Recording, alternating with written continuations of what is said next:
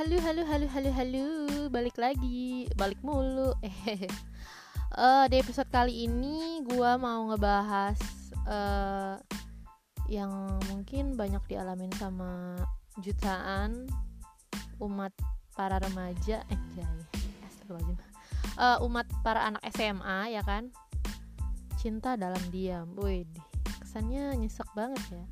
Uh, gua adalah salah satu dari jutaan manusia.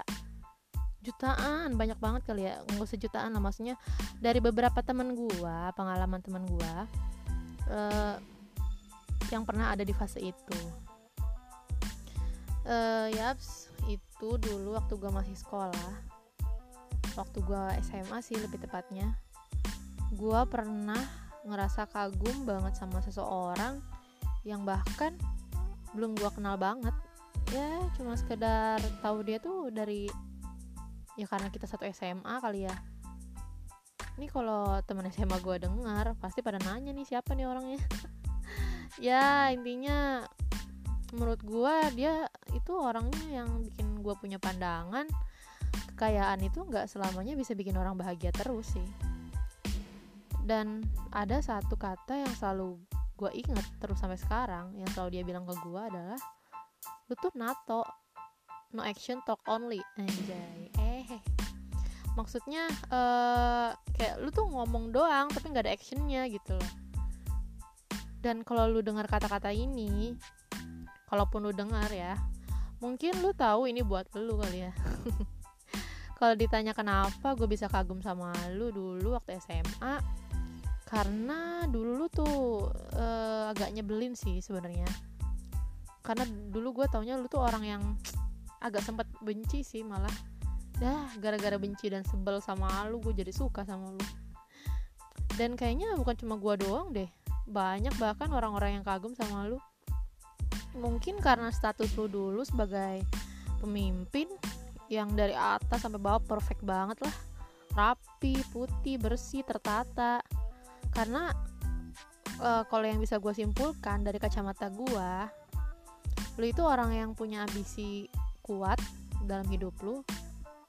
Dan yang paling menyebalkan adalah lu tuh terlalu serius kalau kata gue sih. Susah diajak bercanda.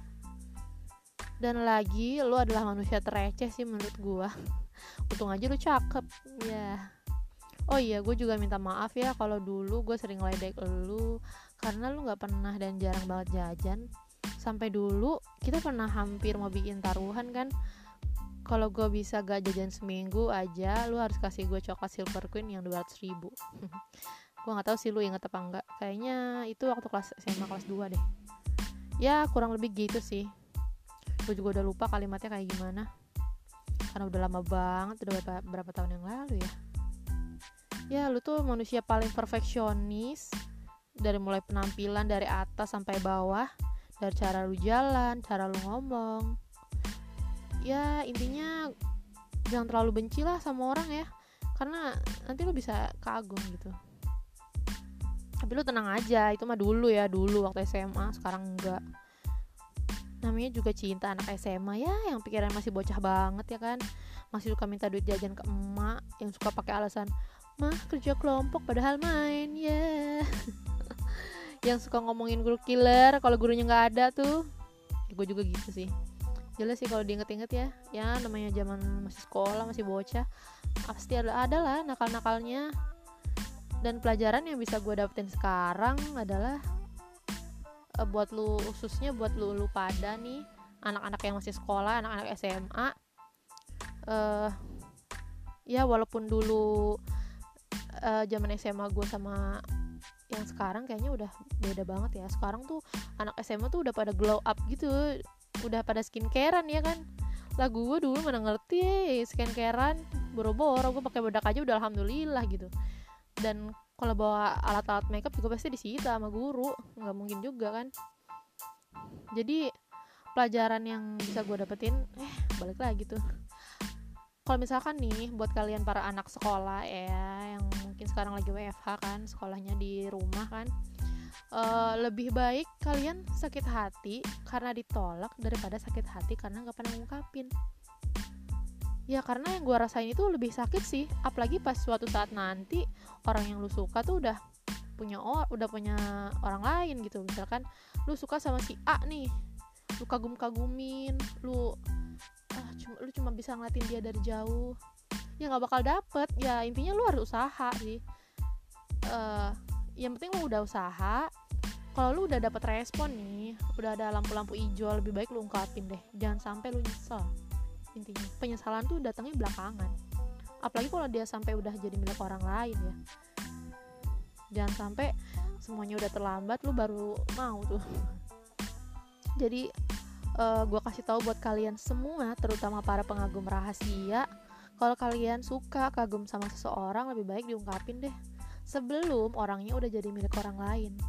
Apalagi kalau di umur gua mungkin sampai orang udah nikah ya kalau dia nikah sama orang nangis kan lu. Ya ini gue cerita berdasarkan pengalaman gue sih.